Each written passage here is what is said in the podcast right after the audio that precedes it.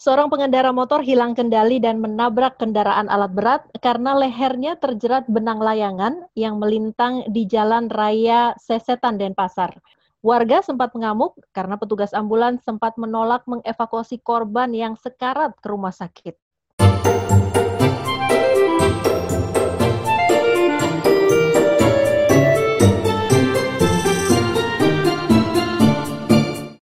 Hey, hey, hey! Welcome to Sharing Good Podcast, where you can find great things. Di episode kali ini, gue kedatangan special guest lagi, dan kita akan bahas kayak gimana sih kerja jadi jurnalis. Doi ini senior gue di Presiden University, tapi gue sebenarnya baru kenal tuh pas acara akreditasi jurusan Ilkom di kampus gitu, sekitar tahun 2018 kalau nggak salah. Profesinya udah jelas jurnalis di salah satu stasiun TV swasta dan sekarang juga sebagai dosen broadcasting di Presiden University. So cool menurut gue.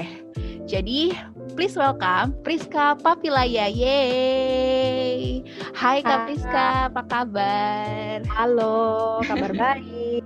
Sehat selalu, puji Tuhan. Yeay, good, good, good Kak. Ceritain dikit dong Kak tentang Kak Priska. Uh, aku asalnya dari suku Ambon Jawa. Jadi papaku asalnya dari timur, dari Ambon, mama dari Jawa, Jawa Timur. Tapi kebetulan uh, aku besar di daerah Jawa dan belum benar-benar pernah ke Ambon. Kenapa belum belum benar-benar pernah? Karena aku cuma pernah sekali ke Ambon itu pun hanya transit di bandaranya, stop di situ. Jadi Ambonnya uh, rambut aja agak agak kriwil sama marga. Wow, oke. Okay. Lebihnya bahasa Jawa. Terus uh, kesibukan lain selain kerja jadi jurnalis, uh, juga ngajar. Terus hobinya kan lagi pandemi nih ya, jadi nggak bisa ke mana-mana. Hmm.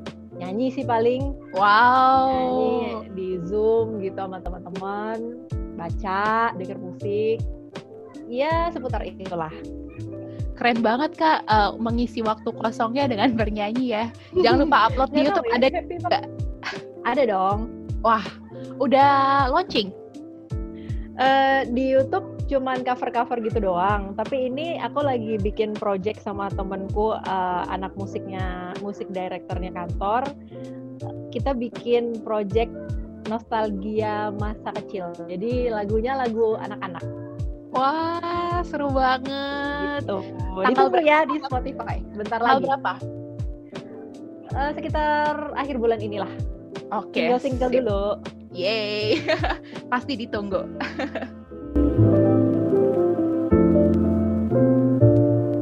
kita bakal bahas nih gimana sih kerjaan sebagai jurnalis atau kerja di media lah gitu. Nah ini aku udah be punya beberapa list pertanyaan. Nanti uh, kita kayak ngobrol-ngobrol diskusi aja ya kak. Oke, okay. uh, eh, pertanyaan paling basic deh. Yang pertama, kenapa sih kak pengen jadi jurnalis?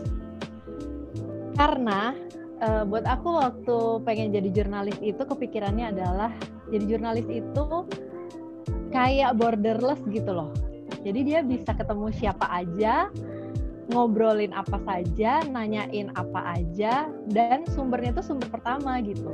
Jadi aku kayak uh, kalau misalnya jadi jurnalis tuh kepikirannya, oh kalau mau nanya sesuatu ya bisa langsung nanya ke orangnya gitu.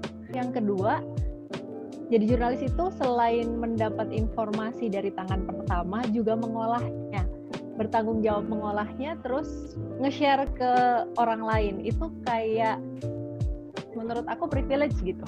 Hmm. Jadi Wow, oke, okay. reasonnya so great kak menurutku. Karena dulu waktu kecil pun uh, orang tuaku tuh selalu ngarahin untuk coba nonton berita deh, kamu tuh bakal tahu banyak dari berita gitu. Mungkin karena itu kali ya, jadi ngeliat orang, oh mereka cari informasinya langsung di tempat gitu, terus langsung wawancara orang-orang terkait. Kok keren ya kerjaannya. Akhirnya uh, berjalannya waktu sebenarnya aku baru nemu kenapa pengen jadi jurnalis dan yakin jadi jurnalis itu di pertengahan kuliah justru bukan oh.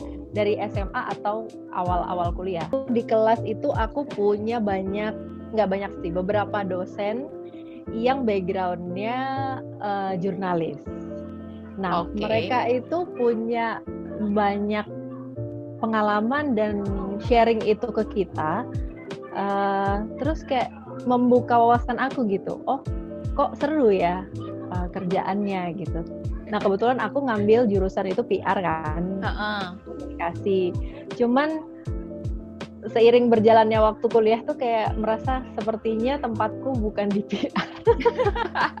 bukan di corporate gitu ya. Iya, bukan di corporate. Jadi uh, kayaknya aku lebih terpanggil ke media deh gitu. Baik. Terus uh, setelah lulus langsung apply di stasiun TV atau gimana nih Kak? Nah, ini ceritanya lucu lagi. Jadi, yeah. saking pengennya aku kerja di media dan aku belum punya link sama sekali ke media, mm-hmm. aku ngajuin magang. Padahal aku udah selesai kuliah. Jadi, magangnya itu bukan magang dari kampus, tapi magang pribadi. Langsung di stasiun TV magangnya? Langsung di stasiun TV yang sekarang aku kerja. Oh, oke. Okay. Berarti um, kan jurnalis kan sebenarnya bisa di media mana aja kan, Kak? Kenapa harus di stasiun TV? ya karena buat aku di stasiun TV itu kan mix antar gambar dengan tulisan ya. Yes. Nah, aku pengen belajar dua-duanya tuh. Sebenarnya masih pengen uh, belajar yang lain juga sih, kayak penasaran mm -hmm. ke online atau ke radio gitu. Mm -hmm. Tapi sampai sekarang sih belum belum ada jalan ke sana, tapi nggak menutup kemungkinan kalau bisa mengembangkan sayap ke media-media lain. Asik. Oke. Okay. Menarik banget, Kak. Terus susah nggak apply jadi jurnalis di saat itu? Di saat itu sebenarnya sebenarnya bukan hanya di saat itu sih. Di semua saat itu apply jadi jurnalis itu agak agak besar tantangannya. Karena apa? Karena dunia jurnalistik atau dunia broadcasting media itu tidak hanya menerima jurusan komunikasi atau jurnalistik atau broadcasting, tapi menerima dari semua jurusan. Wow, oke. Okay. Jadi kompetisinya sangat-sangat ketat. Ada dari jurusan hukum, ada temenku dari jurusan uh, teknik sipil. Wow, teknik sipil kak? Iya, dari teknik sipil. Even esket gitu, itu juga uh-huh. ada gitu dan memilih untuk terjun ke jurnalis. Wow, oke. Okay. Berarti itu zamannya Kak Priska loh ya. Berarti sekarang akan lebih kompetitif lah ya. Sampai sekarang sih masih. Cuman oh. karena di di broadcasting itu biasanya kita antara learning by doing atau ada masa penyesuaian kayak kayak apa ya? Kayak uh, pembekalan awal gitulah sebelum mm -hmm sebelum melakukan kerja jurnalistik. Kalau yang bukan dari jurusan jurnalistik atau broadcasting kan harus menyesuaikan diri dulu gitu. I see. Nah, berarti pas uh, Kapriska pertama kali magang nih, itu tuh mm-hmm. uh, posisinya as a reporter atau gimana nih, Kak? Reporter dan uh, production assistant. Jadi aku di lapangan juga liputan uh, nemenin kayak nemenin atau tandem lah bilangnya sama uh, tim liputan, hmm. reporter dan kameramen. Terus aku juga di dalam redaksi, jadi membantu produser mengolah informasi untuk uh, disajikan dalam bentuk siaran. I see. Nah kalau gitu berarti lanjut nih kak ke pertanyaan selanjutnya kan berarti pas awal masuk as a reporter um, terus jenjang karirnya setelah itu tuh gimana sih kak? Stepnya biasanya ya kalau misalnya yang ideal ya mm-hmm. kebanyakannya tuh dari reporter terus nanti jadi reporter presenter atau naik ke produser produser presenter juga bisa jadi di bidang media ini double job desk itu lazim Berarti sekarang Kapriska kan uh, udah di posisi news anchor nih kak. Mm-hmm. Berarti dan prosesnya itu berarti berapa tahun? Kalau proses itu nggak ada patokan ya. Ha-ha. Kebetulan aku itu di tahun ketujuh baru jadi anchor. Ha-ha. Ini tahun ketujuh. Sebelumnya di posisi yang sama, reporter and asisten produser. Ya, sebelumnya aku uh, sekitar dua tahun jadi reporter, kemudian lima tahunan jadi asisten produser dan baru tahun ini anchor. Oh wow. Plus uh, jadi aku kerjanya sekarang job desknya adalah news anchor dan asisten produser. hektik banget dong kak kalau di maksudnya kalau udah masuk kantor tuh hektik banget dong.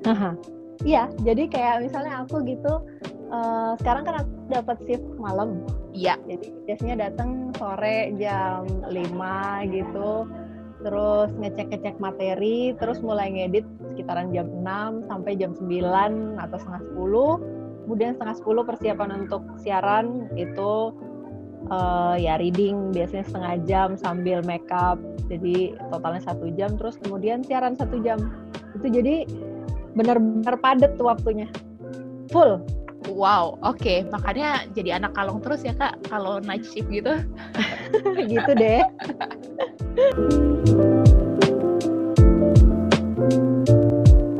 posisi paling junior sampai senior dan flow kerjanya tuh secara general gimana sih kak?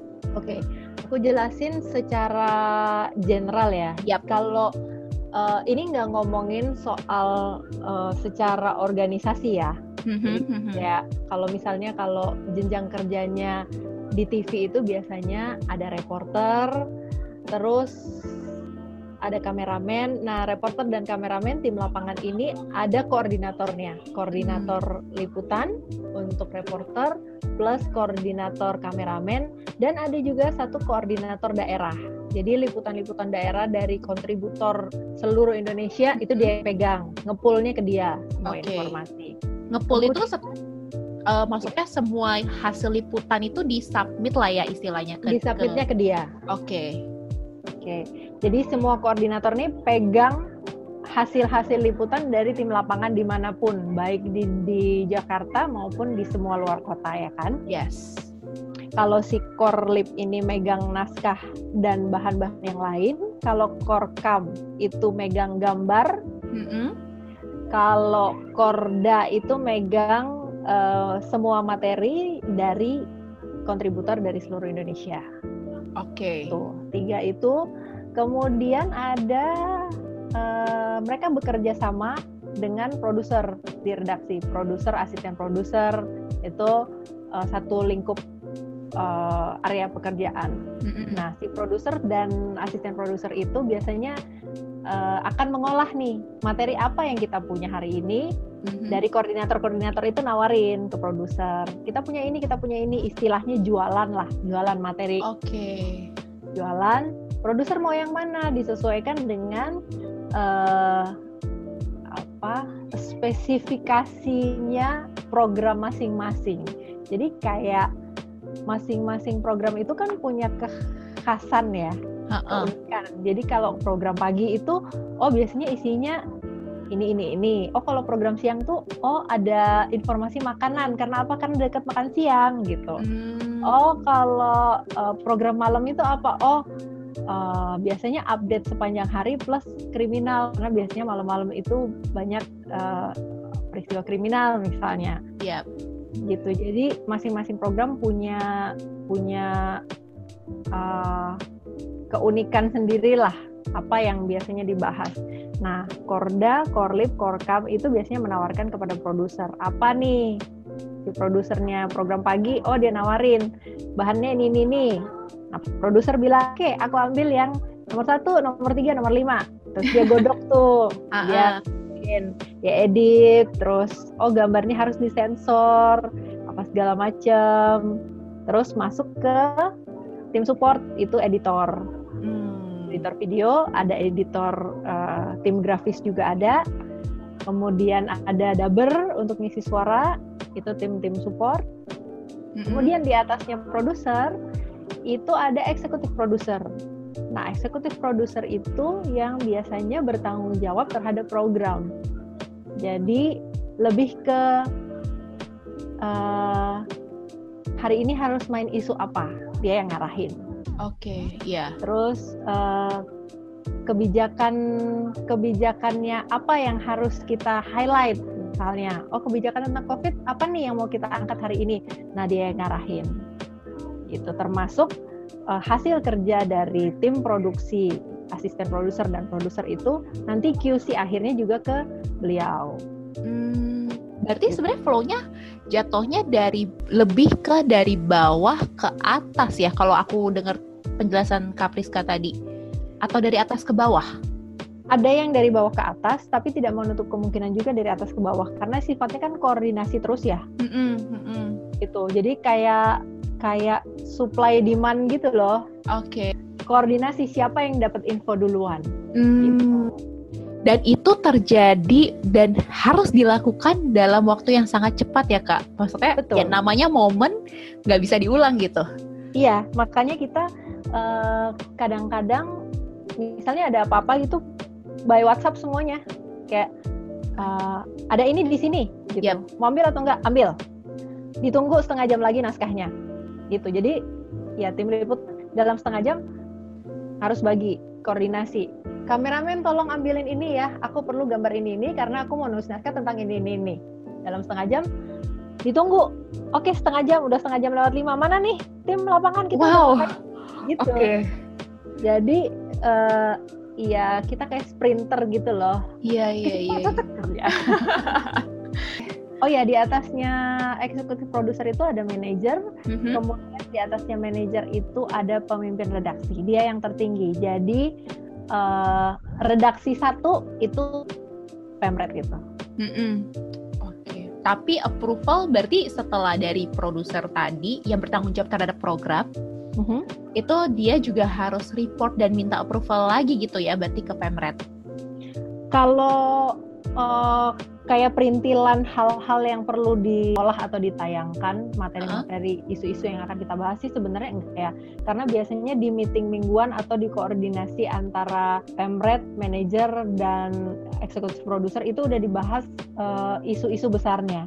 Jadi turunannya eh, kayak detil-detilnya itu udah langsung turun ke bawahnya eksekutif produser. I see. Oke. Wow. Walaupun timnya banyak dan kelihatannya kayak posisinya sebenarnya banyak kan kak. Tadi Mm-mm. jenjangnya itu banyak, tapi koordinasinya secepat itu ya ternyata. iya, karena makanya kita tuh banyak grup. Jadi kayak misalnya ada grup, Aha. ada grup yang program, Ya. program kita doang. Ada grup yang dengan eh, korlip Yap. gitu. Jadi eh, ada grup yang info live doang situ. Jadi kita kalau misalnya mau mau eh, aku lagi pegang program nih, program Yap. pagi. Aku pikir kayaknya menarik deh kalau pemberlakuan PSBB di live-in gitu. Ada nggak ya tim live di situ? Tinggal cek oh di grup live. Oh ada ada timnya di sana nih standby sampai jam segini. Oke minta live gitu. Dan kalau berangkat buat ngeliput gitu kak, itu tuh Hmm? tim itu biasanya berapa orang ya kak? Biasanya kalau tim kecil itu eh, luar kota misalnya biasanya bisa satu orang eh, reporter atau kameramen yang yang bekerja sebagai VJ. Jadi dia ngambil gambar juga, dia bikin naskah juga. Itu biasanya kalau liputan ke luar negeri satu orang. Tapi kalau seandainya eh, agenda-agenda lain yang keluar kota itu dua orang, satu kameramen, satu reporter.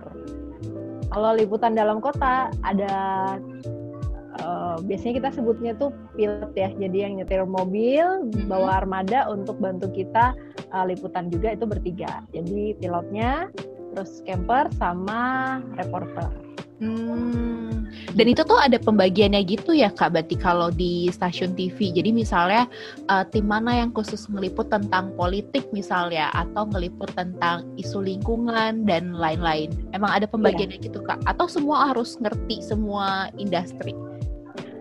Eh, ada pembagiannya iya. Kita biasanya sebutnya desk. Jadi ada desk eh, sport, Mhm. anak-anak yang liputannya sport. Ada Yes. desk sosmas, sosial masyarakat, isu-isu sosial masyarakat apa aja. Terus ada desk metropolitan, ada desk eh, hukum kriminal, ada desk politik gitu. Itu masing-masing. Tapi sangat tidak menutup kemungkinan lagi-lagi dinamismenya eh, pertukaran informasi dan pergeseran job desk itu terjadi. Jadi kayak Yep. misalnya di- minta misalnya kamu nih uh, desknya sport, terus Mm-mm. aku desknya politik gitu.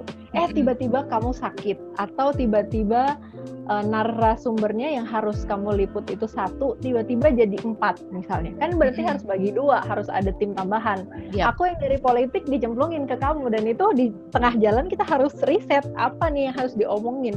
Iya, perkembangan bener. makanya semua informasi kita minimal tahu kulitnya. Wow. Oke. Okay. Challenging banget ya, Kak banget. Uh, agak deg-degan sih kadang-kadang kalau lintas des ya tiba-tiba kita nggak pernah liputan ke persidangan tentang kasus A gitu. Eh hari ini harus nge-backup lah nge-backup tim lain gitu. Mm -hmm.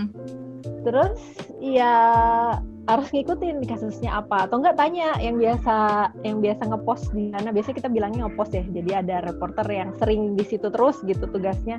Yep. tanya update informasinya oh kasusnya gimana nih ya minta briefing dari awal sampai akhir kasusnya gimana dan perkembangan terakhirnya kita harus yang liput gitu. Wow. Wow, wow, wow, wow. Aku dari tadi sambil ngebayangin gitu loh kak, Kak Priska sehari-hari, pas apalagi dulu Deg-degan banget bukan?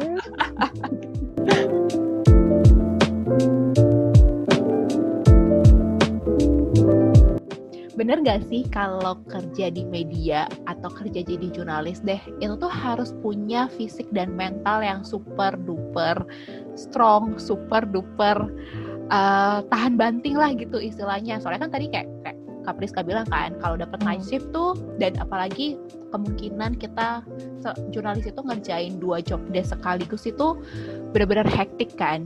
Belum lagi hmm. keluar, keluar kota nggak sih kak kalau jadi reporter gitu? Iya, kadang-kadang gitu. Mm-hmm. Kebetulan aku waktu jadi reporter itu nggak banyak dapat uh, eh, tugas keluar kota, jadi hanya beberapa kali aja selama aku dua tahun jadi reporter. Tapi uh, untuk reporter kebanyakan pada umumnya memang uh, misalnya apa ya? Kayak ada satu reporter misalnya dia hari ini dijadwalkan untuk liputan cantik-cantikan liputan mm-hmm. makanan jalan-jalan dan sebagainya. Udah dong outfitnya udah cakep gitu ya. Yeah. eh tiba-tiba ditelepon di tengah jalan. Uh, hari ini ada bencana di Sulawesi. Kamu berangkat sekarang ditunggu pesawat. Kayak gitu. Waduh. Kan, terus baju, terus terus gimana tuh? Baju nanti dikirim. Oke okay, siap. Langsung putar balik berangkat ke bandara terus misalnya kayak uh, udah pakai uh, kan biasanya dapat jadwal tuh ya. Mm-hmm. malam-malam tuh dikasih jadwal tuh plottingan. Hari besok bakalan ketemu siapa untuk liputan apa di mana lokasinya. Misalnya udah dikasih liputannya adalah liputan bencana misalnya liputan uh, atau demo atau apalah. Eh yep. tiba-tiba uh, ada tim lain yang yang lebih deket misalnya dan dia dibutuhkan untuk liputan yang lain lagi. Harus ketemu pejabat. Deng deng, deng padahal deng. outfitnya udah outfit. Mau liputan demo nih misalnya. Make up juga beda dong kak pasti. Betul. That's why di dalam tas kita itu uh, harus betul-betul siap. Paling enggak makeup. Gitu. Dan okay. seragam. Seandainya pun misalnya kita nggak liputan yang uh, yang pakai seragam sebisa mungkin bawa seragam karena seragam kan baju netral ya. Jadi mm -hmm. ketemu siapa pun itu bisa gitu. Terus makeup kit harus. Yang aku sendiri pernah nih ya lagi mau tahun baru nih ada nyokap datang ke Jakarta. Mm-hmm. nginep nih di kosan terus kita udah planning nih oke okay, kita tahun baru yuk uh, belum pernah nih rame ke Bundaran HI ayo kita nanti ke Bundaran HI yuk sebelum jam 12 terus mau makan bareng lah ceritanya tahun baruan berdua gitu sama nyokap. Jeng jeng jam 11 eh, nggak uh, ada reporter dan nggak ada yang bisa on cam. Bisa nggak lo on cam? Oke okay, bye. Jadi jam setengah satu malam gue baru keluar baru kelar tugas dan itu udah sepi kan udah bubar semuanya. Jadi planning kita ya udahlah kita melipir ke tempat mana yang bisa makan aja. Udah tidak dapat ceramah baru lagi.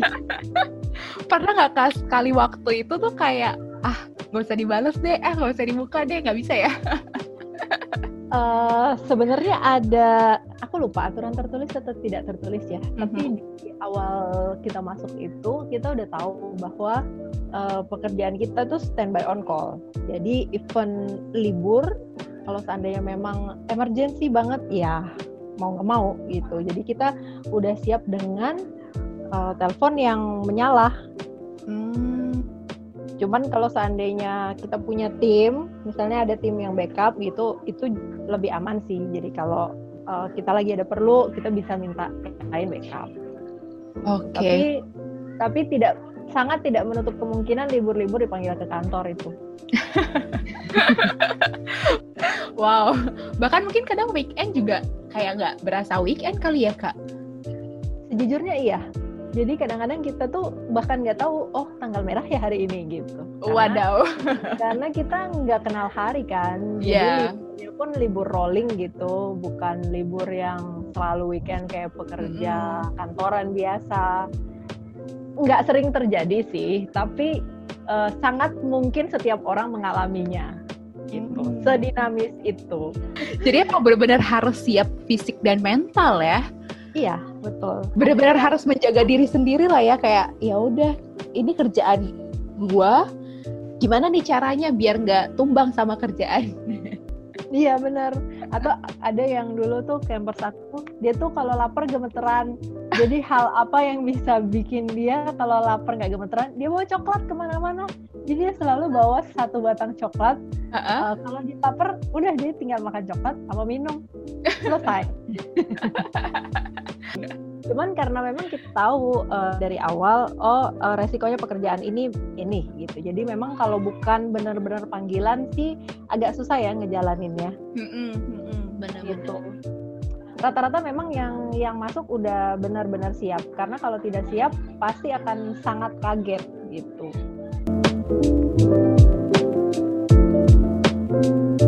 Ada nggak sih kak senioritas gitu di dunia media dan jurnalis? Sebenarnya kalau senioritas banget sih nggak ada ya. Bahkan kita itu lebih ke kekeluargaan kalau di uh, dunia jurnalistik. Dan panggilan ke jurnalis yang lebih senior aja sesenior apa pun kadang-kadang kita panggilnya masih bang atau mas gitu. Karena sekekeluargaan itu gitu. Oh. cuman memang uh, kalau misalnya ketemu sama jurnalis senior ya hmm. ya sungkem lah ya kayak oke okay, uh, eh, ilmunya jauh lebih banyak gue harus belajar gitu Iya, yeah. yang sering denger gitu loh kak kalau di dunia broadcasting, media dan segala macam itu tuh keras banget. Keras tuh dalam arti kalau kita masih junior ya kita harus siap, entah dikatain lah, apa di uh, diteriak-teriakin lah, gitu nggak sih kak kalau di lapangan? Oh iya, uh, sebenarnya itu tidak berlaku pada jurnalis uh, junior aja ya. Yeah. Karena kita karena kita itu kerja di jurnalistik itu sebisa mungkin kan zero mistake. Mm -mm, Jadi betul. semuanya harus serba akurat. Siapa pun yang bertugas itu sebisa mungkin meminimalisir kesalahan, mau dia junior, mau dia senior. Jadi uh -huh. bayangkan uh, seandainya yang melakukan kesalahan seorang senior ya sama aja resikonya gitu. Oh. Dan tidak dan namanya kerja tim itu tidak melihat siapa yang lebih senior, siapa yang lebih junior, tapi siapa yang melakukan kesalahan kita harus perbaiki bersama gitu. Hmm. Dan nggak bisa baper karena uh, apa namanya? Ya namanya kerja dengan deadline ketat ya. Kalau misalnya mau kita bayangin kita kerja dengan deadline yang ketat dan informasinya tidak boleh salah gitu. Yes. Datanya tidak boleh salah. Otomatis kan tensinya kadang-kadang agak tinggi terutama kalau mendekati deadline. Iya. yeah. Bisa dibayangin kan? Iya, yeah, iya. Yeah. Nah, jadi uh, kalau seandainya udah kayak gitu, ya kita biasanya kalau udah mau deket deadline biasanya kalau di redaksi jamnya senggol bacok kita bilang. nggak bisa tuh diganggu-ganggu apa segala macam tuh nggak bisa. Harus fokus. Karena apa? Karena misalnya kalau tim lapangan yang mau live ya live jam 5 ya tank jam 5 nggak bisa lagi lewat hmm. mau dua mau dua detik mau lima detik nggak bisa. Nggak bisa nunggu kan? Benar so benar. go on. Sama dengan uh, tim redaksi yang menyiapkan siaran. Nggak bisa tuh eh belum kelar barangnya. Nggak bisa. Udah harus ya tayang ya tayang gitu. Jadi uh, di saat-saat jam-jam krusial itu memang kadang-kadang kita uh, bergesekan itu mungkin gitu. Yes. atau karena kita mengejar sesuatu kan mm. mengejar deadline gitu. Mm -mm. tapi setelah itu karena kita udah tahu oh ya emang ini jamnya jamnya kita lagi kerja ya. Mm no hard feeling lah. Iya iya iya. Harus sudah tahu lah ya kalau itu tuh bakal terjadi ya kita nggak boleh masukin hati gitu. Iya Oke, udah makin dapat gambarannya nih kak. hmm. Suka duka kerja di jurnalis tuh apa sih kak? Sukanya adalah yaitu tadi bisa menembus sumber informasi pertama uh, siapa pun dia bertanya apa pun. Mm-hmm. Uh, buat aku itu satu keuntungan yang sangat sulit didapat oleh bidang pekerjaan lain. Yep. Dan aku suka itu. Mm-hmm. Lalu sukanya lagi ya tentu networkingnya luar biasa luas ya. Betul. Karena itu gitu. Terus karena kita dituntut untuk mengikuti perkembangan informasi, jadi salah satu sukanya adalah kita selalu bisa uh, mengikuti isu yang berkembang. Mm -hmm. Sukanya lagi di kantor itu 24 jam nggak pernah mati. kayak kayak uh, semacam rumah kedua lah kalau setengah dukanya adalah yaitu harus standby on call. Jadi merupakan satu resiko profesionalitas di mana mm-hmm. kami tidak pernah mengenal tanggal merah. Ya. Yeah. Terus namanya kayak momen kalau aku kan biasa Natalan, yang lain mm. itu uh, Lebaran gitu. Mm. Kita Lebaran hari pertama atau Natalan hari pertama tanggal 25, iya biasanya kita saling backup misalnya. Tapi kalaupun seandainya tidak cukup timnya ya berarti salah satu harus masuk misalnya walaupun dia berlebaran atau Natalan. Iya. Yeah. Itu sangat uh, sering terjadi.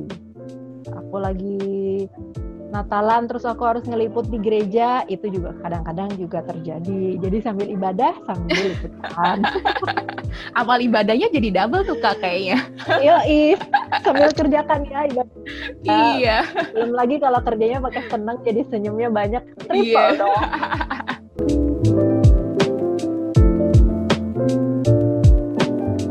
Terus lanjut nih kak, selama jadi jurnalis, apa sih moment of truth yang paling diingat. Jadi kayak hmm, apa ya yang bener-bener bikin Kapriska tuh yang kayak oh gini toh di di di pengalaman Kapriska baik di lapangan ataupun di office ya kak.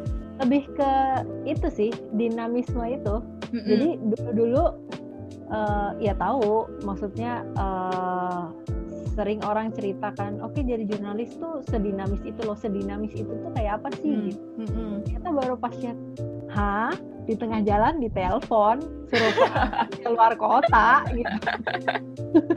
Terus ada lagi yang kayak uh, ditanya misalnya, Pe, kamu punya paspor kan masih aktif kan 6 bulan terakhir masih gitu mana bagi sini fotonya gitu oke okay, uh, ke mana ini mas? Besok ya tugas sama ini ke sini gitu. Besok tuh besok pagi banget pagi buta misalnya jam 5 pagi udah oh. di kantor jadi uh, se, se deg-degan itu gitu.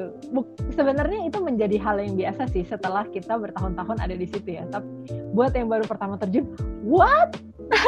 Oh, sekarang banget nih gitu Eh, kejutan-kejutan macam itu tuh buat jantungnya sehat gitu.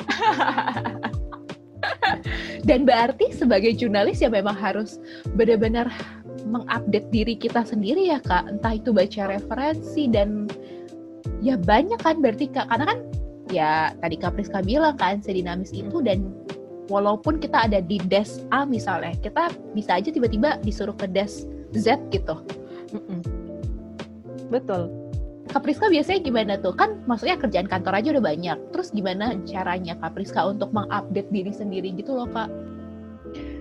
Uh, aku paling gampang itu handphone ini kan ya sekarang kan handphone canggih ya jadi semua mm -hmm. bisa bisa dilihat dari handphone jadi kalau aku biasanya uh, dari kantor itu ada grup-grup yang aku highlight jadi kayak oke okay, ada informasi terbaru di sini sini sini misalnya. Terus hmm. dari medsos misalnya. Medsos itu aku on semua uh, notifikasi. Makanya handphoneku tuh baterainya cepat habis. Karena semua notif yang berbau medsos terus uh, apa namanya info-info berita baik dalam maupun luar negeri itu kalau headline muncul selalu di di notif mm-hmm. di depan gitu, di pop up gitu kan. Nah, kalaupun seandainya kita nggak sempet nih baca isinya, paling nggak kita tahu oh ada isu itu lagi muncul gitu. Jadi seandainya kita lagi uh, kepepet harus harus mendalami isu itu, kita tahu oh iya tadi ada ada ini, tinggal buka. Iya iya iya iya. Dan power bank harus siap sedia power kali bank, ya. ya. Jangan lupa kalau di dalam tas itu makeup kit, Iya. power bank, seragam, terus kalau bisa cemilan kecil karena kita nggak tahu kita harus nunggu orang berapa lama, kita harus overtime-nya tiba-tiba berapa lama. Gitu. Wah, Aku punya mah kan, jadi uh-uh. awal kalau overtime gitu ya ngemil gitu. kalau di lapangan kan ketemu jurnalis lain ya kak, maksudnya jurnalis dari media lain. Itu tuh eh, ya udah kayak temen aja atau kita ngelihatnya as a kompetitor gitu. Karena kan ya eh, reporter udah di brief kan, kita mau ambilnya dari angle ini ya. Terus ya Hmm. sebisa mungkin media lain nggak dapet angle yang sama dong gitu. Mm-mm. Eh, dua-duanya berjalan bersamaan ya. Jadi kalau seandainya isunya isu bersama, eh, Mm-mm. isu yang diliput bersama ya berarti Mm. kita eh, sebagai sesama jurnalis kita bahu membahu untuk ngorek informasi sedalam-dalamnya seluas-luasnya tentang itu. Tapi untuk liputan khas redaksi yang eh, fresh idenya redaksi biasanya sih kita eh, simpan rapat-rapat Tapi ya susah kan Kak, kalau misalnya kayak itu teman sendiri gitu. Tapi ya dia di media lain. Harus tahu harus kuat iman gitu loh buat nggak tahu.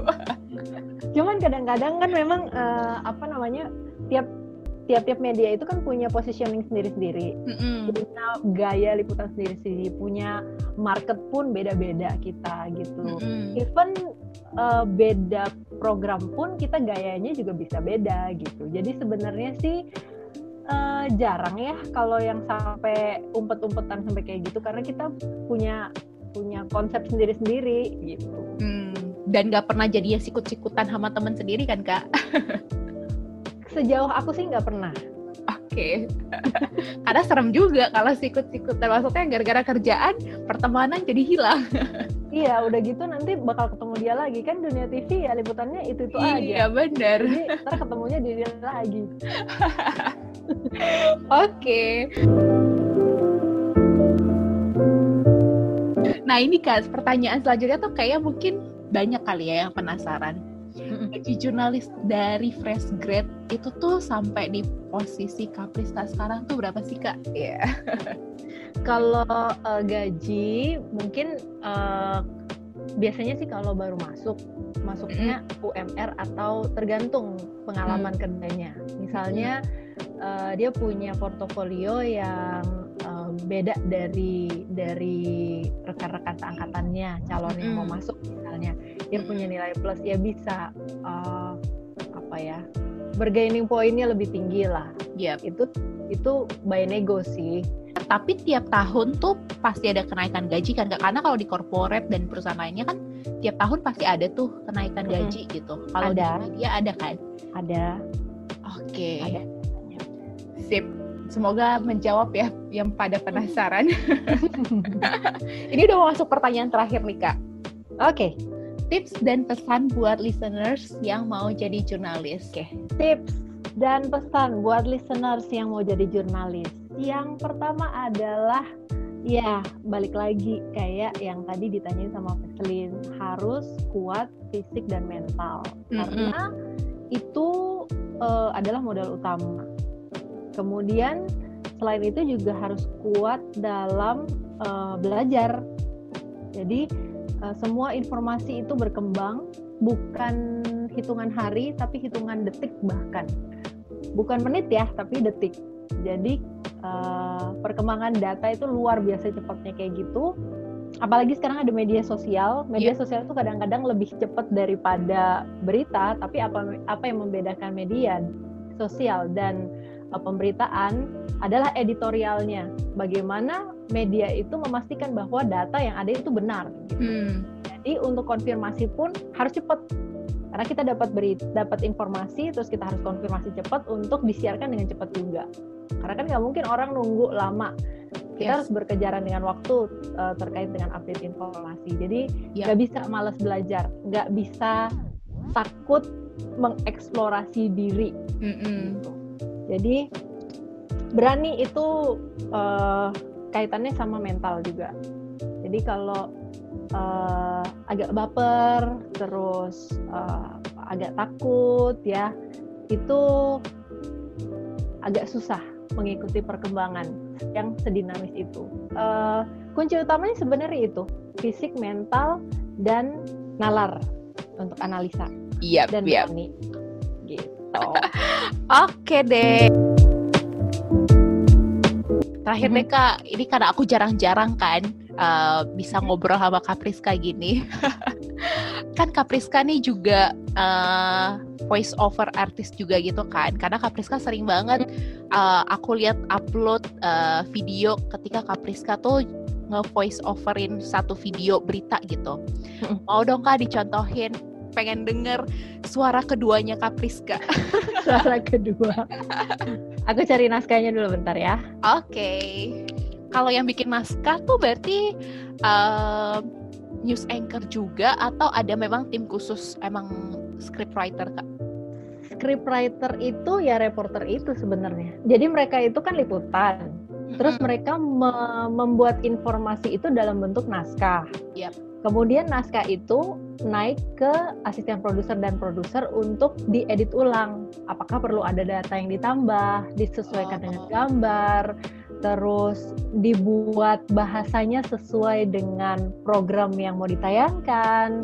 Misalnya yep. nih, programnya oh program pagi itu yang nonton ibu-ibu. Oke pakai bahasa ibu-ibu. Yang menarik seperti apa? Misalnya kalau yang bahasanya malam-malam uh, oh gamer. Oke bahasa gamer. Gamer itu kan rata-rata anak muda misalnya. Yeah. oke berarti harus disesuaikan. Bah, uh, pembahasan seperti apa? Atau gaya gaya tontonan seperti apa yang disukai sama mereka? Dan mm. apa ya? Bisa membuat informasi itu lebih cepat diterima gitu Iya, iya, iya. Oke. Okay. Itu deh. Tapi sekarang masih jadi voice over artist juga kan, Kak? Masih. Kalau untuk di kantor, kebetulan di program aku tuh ada voice over freelance. Mm -hmm. uh, dia pegang beberapa program, jadi dia um, ngisi suara untuk program-program lain juga. Mm. Nah, aku jadi lagi nggak terlalu aktif nih, tapi freelance aku masih. Oke. Okay. Kayak misalnya uh, untuk company profile atau yep. untuk di uh, video-video gitu ngisi mm -hmm. suaranya. Boleh nih kalau aku kerja di corporate terus tiba-tiba butuh voice over, aku kontak Kapriska. Boleh banget, dengan hati. Soalnya suaranya okay. apa ya? Aku tuh suka amazed gitu loh sama voice over voice over artis. Karena dulu aku kayak di corporate itu pernah hmm uh, hire freelance voice over artis juga gitu kan. Terus yeah. mereka tuh kalau ngobrol biasa ya udah bener-bener biasa banget gitu. Biasa banget. Uh, tapi begitu, tapi begitu keluar rekaman, wah kok loh kok jadi kayak tidak seperti yang terdengar sebelumnya. Dan bedanya tuh bukan yang cuma beda tipis gitu loh kak, benar-benar beda 180 derajat. Oke, okay, aku udah nemu satu naskah. Yep. Mm -hmm Naskahnya tentang guru honorer sekolah taman kanak-kanak yang terpaksa banting setir jadi pelukis dinding sekolah panggilan okay. sejak pandemi corona.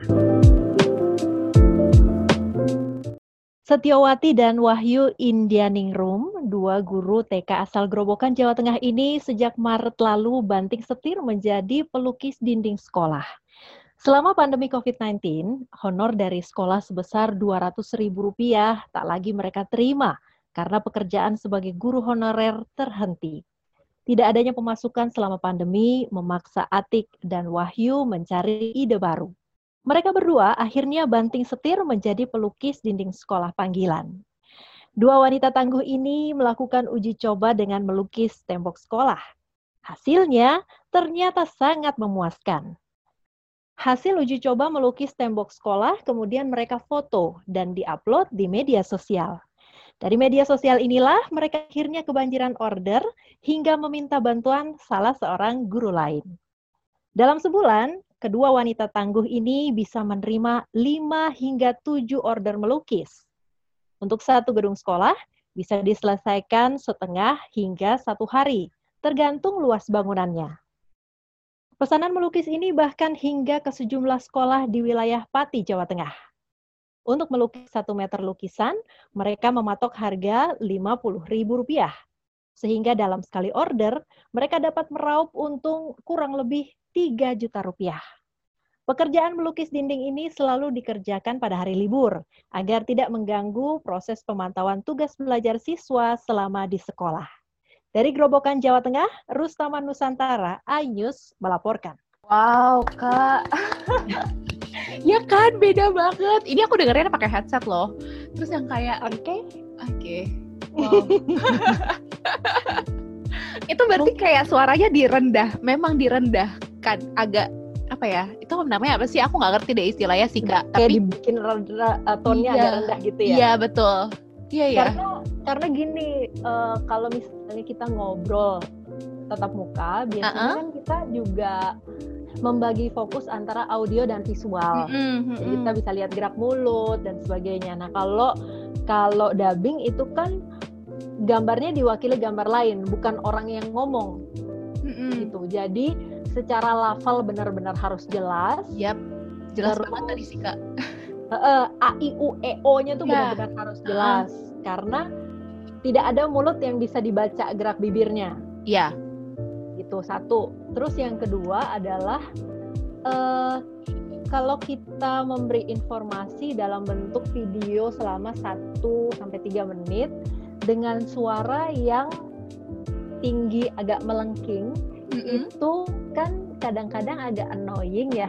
Jadi kayak daya tahannya itu uh, rendah gitu. Iya, yeah, iya. Yeah. Penontonnya daya tahannya rendah. Sementara dengan suara yang lebih bulat, produksinya lebih baik, terus lebih apa ya?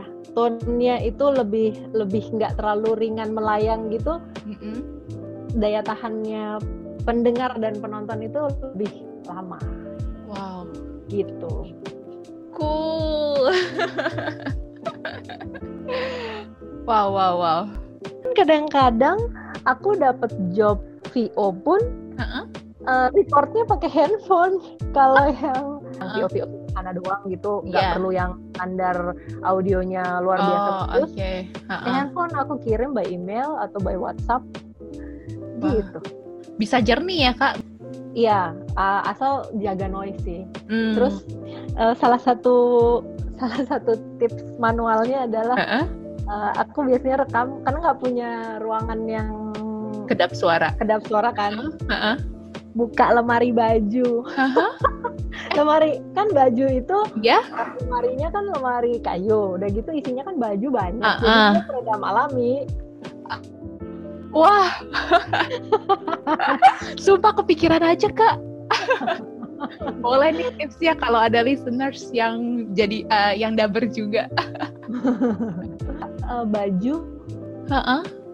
lemari kayu itu kan peredam yang baik oke okay, iya. yeah. kita coba dan cukup oke okay lah hasilnya Great kak, aduh sumpah kapan hmm. lagi dengar Kapriska live begini nih? Biasanya kan lihat di IG doang gitu kan, terus nggak mm pernah pakai headset gitu loh. Tapi udah tahu mm. kalau ih suara Kapriska tuh beda banget ya kalau lagi ngedabing gitu. Terus sekarang lebih beda, uh, eh, beda juga kalau misalnya uh, gayanya mungkin ya yang lebih beda. Uh -uh. Kalau hard news juga beda lagi. Oh hard news tuh maksudnya lebih ke apa nih kak? Ah, jadi biasanya tuh ada hard news dan soft news. Kalau soft news itu hmm. lebih ke informasi-informasi yang timeless, nggak aktual-aktual banget nggak apa-apa gitu. Jadi oh. misalnya kayak yang tadi itu soft news, yeah. oh. gayanya lebih ke informasi ringan gitu. Iya yeah, iya. Yeah, Kalau hard news itu kayak misalnya uh, informasi politik, hukum gitu, yang pakai data gitu, uh -uh. lebih tone-nya beda lagi kayak uh, speednya juga beda -uh. lebih tek tek tek tek gitu. Iya. Dan ekspresi maksudnya Kapriska pun ketika ngedabing mungkin ya memang harus mengeluarkan ekspre facial expression juga gitu ya biar dapat feel-nya. Oh. Jadi uh, tugasnya selain membacakan memberi nyawa itu sih yang lebih susah. Yeah. karena latihan latihan memberi nyawa itu karena kita harus ngerasain oh ini tentang apa sih? Kita harus ngebayangin pula uh, uh. Memang jam terbang itu nggak bohong ya kak yes dan VO itu menyenangkan mungkin karena panggilan lagi-lagi Iya. ya. Karena aku bisa berekspresi di situ. Hmm, hmm, hmm. Keren, keren. So, tertarik nggak kerja jadi jurnalis?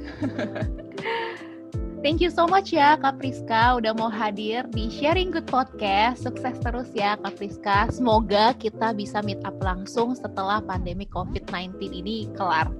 Iya, semoga kita bisa ketemu lagi. Kita baru pertama, eh kita baru sekali ketemu kan? Iya betul. Sisanya cuma DM-DM-an IG doang Kak. DM IG doang.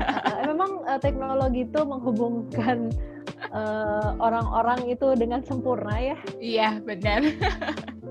Dan yang mau tanya-tanya lebih lanjut atau kepoin kegiatan Kapriska sehari-hari, boleh banget di follow IG-nya di Priska Papilaya pakai C ya, Prisca Papilaya. Yes, dan jangan lupa follow podcast ini dan share ke berbagai platform supaya lebih banyak lagi orang-orang yang dapat hal baik. So, see you on the next episode. Bye. Bye, thank you. Thank you, Kak.